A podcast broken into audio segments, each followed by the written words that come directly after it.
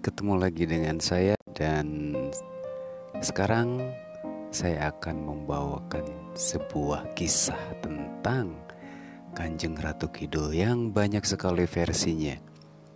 Dan salah satunya di sini saya akan menceritakan dari uh, apa ya?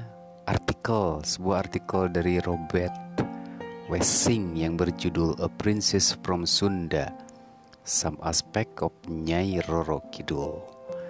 Here we go. Seperti tadi yang telah uh, saya sebutkan dari artikelnya Robert Wessing, Asian Folklore Studies Volume uh, 56 1997 setidaknya ditemui beberapa versi sejarah dan menurut Wessing nih uh, sebagai seorang putri Sunda, umumnya Kanjeng Ratu Kidul diceritakan sebagai putri penguasa kerajaan uh, Pajajaran di Jawa Barat. Meskipun perihal siapa ayahnya, ada beberapa nama mengemuka. Ada yang menyebut uh, dia ini adalah putri dari Prabu Munding Sari, lainnya menyebut nama Prabu Munding Wangi atau disebut juga nama Prabu Siliwangi maupun Prabu Cakrabuana. Nah, namanya banyak banget ya. Selain Pajajaran, cerita lain mengisahkan asal-usul beliau ialah dari kerajaan Galuh. Prabu Sindula dari abad ke-13 merupakan ayahnya. Nah, tempat asal lainnya yang disebutkan ialah kerajaan di Kediri di Jawa Timur saat diperintah uh, oleh Nostradamus Jawa yaitu sang legendaris. Tentunya kita tahu ya siapa yang uh, jago meramal tuh yaitu Raja Jayabaya. Atau bahkan berasal dari kerajaan yang lebih tua, Kahuripan diperintah oleh Raja Airlangga yang juga berlokasi di Jawa Timur. Namun demikian dari semua kisah itu, bagaimanapun kerajaan Pajajaran merupakan asal usul Kanjeng Ratu Kidul yang paling sering disebutkan sampai saat ini. Jadi uh, ternyata bukan hanya di Jawa Barat aja ya, di Jawa Timur juga banyak. Maksudnya ada, ada ada versinya yang lain. Nah, bagaimana kisah terjadinya transformasi dari seorang putri menjadi Dewi Samudra yang juga muncul banyak versi. Kisah paling umum yang menuturkan ialah dia seorang putri yang cantik, terus uh, karena sihir ibu tirinya yang jahat dan cemburu, lalu ia terjangkit penyakit kulit. Sakit kulit itu membawa bau yang sangat menjijikan uh, hingga memaksanya untuk meninggalkan istana dan pergi mencari perlindungan ke hutan. Tapi beberapa kisah mengatakan di balut duka yang mendalam itu dia berme bermeditasi lalu moksa. Moksa itu kalau kata orang Sunda mah ngahiang ya. Apa ya ngahiang? Uh, ya menghilang lah pokoknya mah. Terus merujuk Purbacaraka dan Woodward Wessing mencatat versi lain. Konon diceritakan Permaisuri Raja Galuh melahirkan anak perempuan. Nah keanehannya muncul. Ia layaknya uh, ya aneh lah. Bayi yang bisa bicara dan berkata kayak gini nih. Aku ratu ayu. Akulah penguasa lelembut di tanah Jawa. Istanaku berada di laut kidul. Itulah kata-katanya. Raja Sidula yaitu Raja Galuh yang telah lama meninggal dikisahkan kemudian muncul memberi tanda dan bersabda bahwa putri itu ialah cucunya. Untuk menjaga kesuciannya, dia tidak akan pernah menikah hingga nanti tiba saatnya seorang raja muslim muncul dan memerintah Jawa. Sosok inilah yang nanti jadi suaminya. Menunggu dua abad lebih hingga suatu saat datanglah Panembahan Senopati, pendiri Wangsa Mataram Islam. Histo historiografi Jawa, yaitu babat tanah Jawa meriwayatkan uh, bagaimana nih Panembahan Senopati mulai pertama bertemu dengan beliau. Pertemuan yang bermuara menjadi uh, hubungan percintaan ini mengawali kisah di mana beliau ini menjadi istri dalam tanda kutip ya Panembahan Senopati. uh, melainkan juga raja-raja Mataram Islam penerusnya. Awalnya dikisahkan dia pergi bertapa di sungai Opak. Bahasa Jawanya kung kum, kung kum ya. Lalu berenang atau tapa ngeli ke arah muara hingga mencapai pantai selatan. Sampai di sana Panembahan Senopati meneruskan bertapa dan memohon uh, petunjuk untuk menenangkan peperangan melawan Sultan Hadiwijaya di Pajang. Konon berkat ketekunan bertapa samud membuat Samudra Hindia bergolak. Bergolak hebat ya. Istana gaib tempat uh, beliau yaitu Kanjeng Ratu ini menjadi porak-poranda karena kekuatan me meditasi sang pemuda itu. Dan alhasil uh, dia tuh muncul nih. Pucuk dicinta ulam pun tiba. Dan Kanjeng Ratu justru tertegun dan terpesona melihat uh, seorang pemuda yang gagah tengah bermeditasi. Ya gagah, ganteng dan dia langsung jatuh hati dan suka. Dan dia bersimpuh di kaki panembahan Senopati.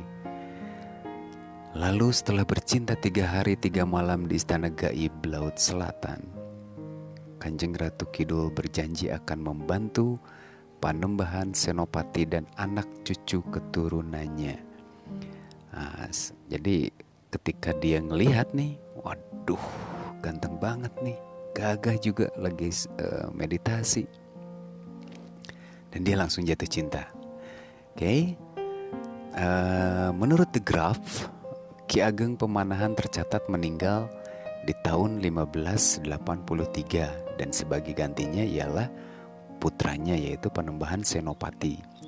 Jika uh, pembacaan The Graph itu valid ya, menarik disimak pernyataan Sri Sultan Hamengkubuwono yang berkuasa pada tahun 1940 sampai 88 terhitung uh, hampir berselang berapa abad? Empat abad kemudian sejak Panembahan Senopati. Dalam biografinya Tahta untuk Rakyat yang disusun oleh Atma Kusuma. Seorang editor ketika diwawancarai dan ditanya apakah benar dia adalah suami dalam tanda kutip ya dari Kanjeng Ratu Kidul dan apakah pernah berhubungan juga dalam tanda kutip dengannya? Lalu beliau menjawab eh, Sultan Hamengkubuwono ini, menurut kepercayaan lama memang demikian halnya. Saya menyebutnya Eyang Rara Kidul saja dan saya pernah mendapat kesempatan melihatnya tanda kutip setelah menjalani uh, ketentuan yang berlaku seperti berpuasa selama beberapa hari dan sebagainya. Pada waktu bulan naik, Eyang Rara Kidul akan tampak sebagai gadis yang amat cantik. Sebaliknya, apabila bulan menurun, ia tampil sebagai wanita yang makin tua. Oh, ternyata itu menurut penuturan dari Sultan Hamengkubuwono ya. Terus ketimbang istri tanda kutip Nah, pada anak cucu penerus penembahan Senopati ini setelah memasuki abad ke-20, posisi Kanjeng Ratu Kidul tampaknya lebih berfungsi sebagai pepunden atau pamomong atau sebutlah itu uh, leluhur ya. Demikian itu catatan John Pemberton dalam bukunya On the Subject of Java, perihal cerita populer di Solo. Masyarakat uh, Solo beranggapan raja sebagai suami tanda kutip Kanjeng Ratu Kidul hanya sampai masa Paku Buwono saja. Nah, konon diceritakan Paku Buwono suatu ketika tengah naik ke panggung Sangga Buwono. Tempat ini merupakan ruang pertemuan antara beliau dan sesuhunan beliau ini eh, Kanjeng Ratu ya. Di dalam bilik itu disediakan kursi dan pakaian serta sesaji untuk Kanjeng Ratu Kidul. Diceritakan uh, suatu saat uh, uh, Pak Kubun ini terpleset saat naik tangga bangunan. Lalu uh, Kanjeng Ratu ini kaget. Oh, oh, kepiengger. Oh, bagaimana kau nak? Nah, gara-gara dipanggil ger itulah Pakubuwono tak pernah lagi dianggap sebagai suami Kanjeng Ratu. Uh, lalu menarik juga nih ya untuk dicermati kalau misalkan Kanjeng Ratu Kidul bukan misalkan sekalipun keberadaan Kanjeng Ratu Kidul katakanlah lekat dengan sejarah Wangsa Mataram Islam ritus sedekah laut bukan hanya dilakukan oleh institusi keraton. Ya benar nggak? Iya karena banyak juga uh, orang biasa uh, melakukan itu. Melainkan juga dilaksanakan masyarakat yang tinggal di wilayah pesisir selatan Pulau Jawa. Ini artinya masyarakat luas juga merasa memiliki beliau sebagai penguasa dan pelindung hidup mereka. Itulah sebabnya berbagai ritus terhadap uh, Kanjeng Ratu ini nisbi sering dilakukan oleh orang Jawa. Dari yang sifatnya pribadi hingga yang sifatnya kolektif atau massal. Pewaris Mataram Islam, oke sebutlah Kesultanan di Yogyakarta, hingga, hingga kini setahun sekali masih melaksanakan upacara labuhan. Labuhan ini berarti membuang barang-barang tertentu ya, ya di laut atau kawah gunung sebagai sesaji, sesajen. Terus uh, barang yang dilabuhi, eh, dilabuhi, barang-barangnya apa aja sih?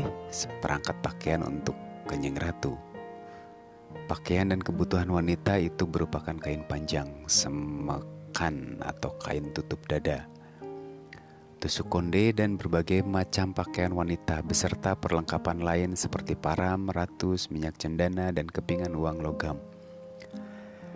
Bukan hanya ritus labuhan, keraton juga mengenal ritus sakral lain berupa pementasan tari bedaya ketawang. Nah, menurut kitab Weda Pradangga, Pencipta tarian ini adalah Sultan Agung, raja paling agung yang berkuasa pada tahun 1613 sampai 1645. Meskipun demikian, kepercayaan tradisional meyakini tarian ini diciptakan oleh uh, Kanjeng Ratu sendiri. Wajar saja ya, tarian ini bukan hanya uh, semata sakral tapi juga dianggap sebagai pusaka. Nah, sampai sekarang, menariknya Sunan Kalijaga sebagai juru syiar Islam di tanah Jawa juga ikut memberikan patokan-patokan saat menciptakan titi nada gending tarian tersebut. Titi nada gamelan itu disebut uh, dan diberi nama gending ketawang gede berlaras pelog patet lima. Tari ini melukiskan proses jatuh cintanya Kanjeng Ratu ke Panembahan Senopati. Segala gerakannya melukiskan bujuk rayu dan cumbu birahi. Untuk Kenjeng Ratu uh, memohon Sinuhun tidak tergesa pulang, namun Sinuhun tidak mau. Dia masih ingin mencapai sangkan paran dumadi, yaitu hakikat kemanunggalan diri dengan Tuhan. Hmm, menarik ya. Namun penembahan Senopati berkenan memperistri uh, beliau bahkan janji hingga turun temurun siapa saja keturunannya yang bertahta di tanah Jawa akan mengingkat janji dengannya dengan beliau pada detik kenaikan tahtanya dengan nata uh, dalam bahasa sana ya bahasa Jawa karena itulah tarian sakral ini hanya ditarikan ketika pelantikan raja atau peringatan momen tersebut di setiap tahunnya. Konon, saat tarian sakral ini ditarikan selalu hadir dan turut menari di antara sembilan penari uh, lainnya. Uh, bahkan konon mengajar secara langsung tari bedaya ketawang pada penari-penari kesayangan raja tersebut. Nah, itulah uh, sepenggal kisah tentang Kanjeng Ratu Kidul dan uh, Senopati Panem, eh, Panembahan Senopati yang yang di mana beliau ini jatuh cinta kepada Panembahan Senopati karena ketika meditasi istananya berguncang hebat dan ketika melihatnya, dia langsung jatuh cinta karena kegagahannya, karena kewibawaannya, dan karena kegantengannya. Oke okay guys, I think it's a rough Nanti aku sambung lagi dengan cerita yang lain, oke? Okay? I'll see you next on the uh, other episode. Thank you and bye.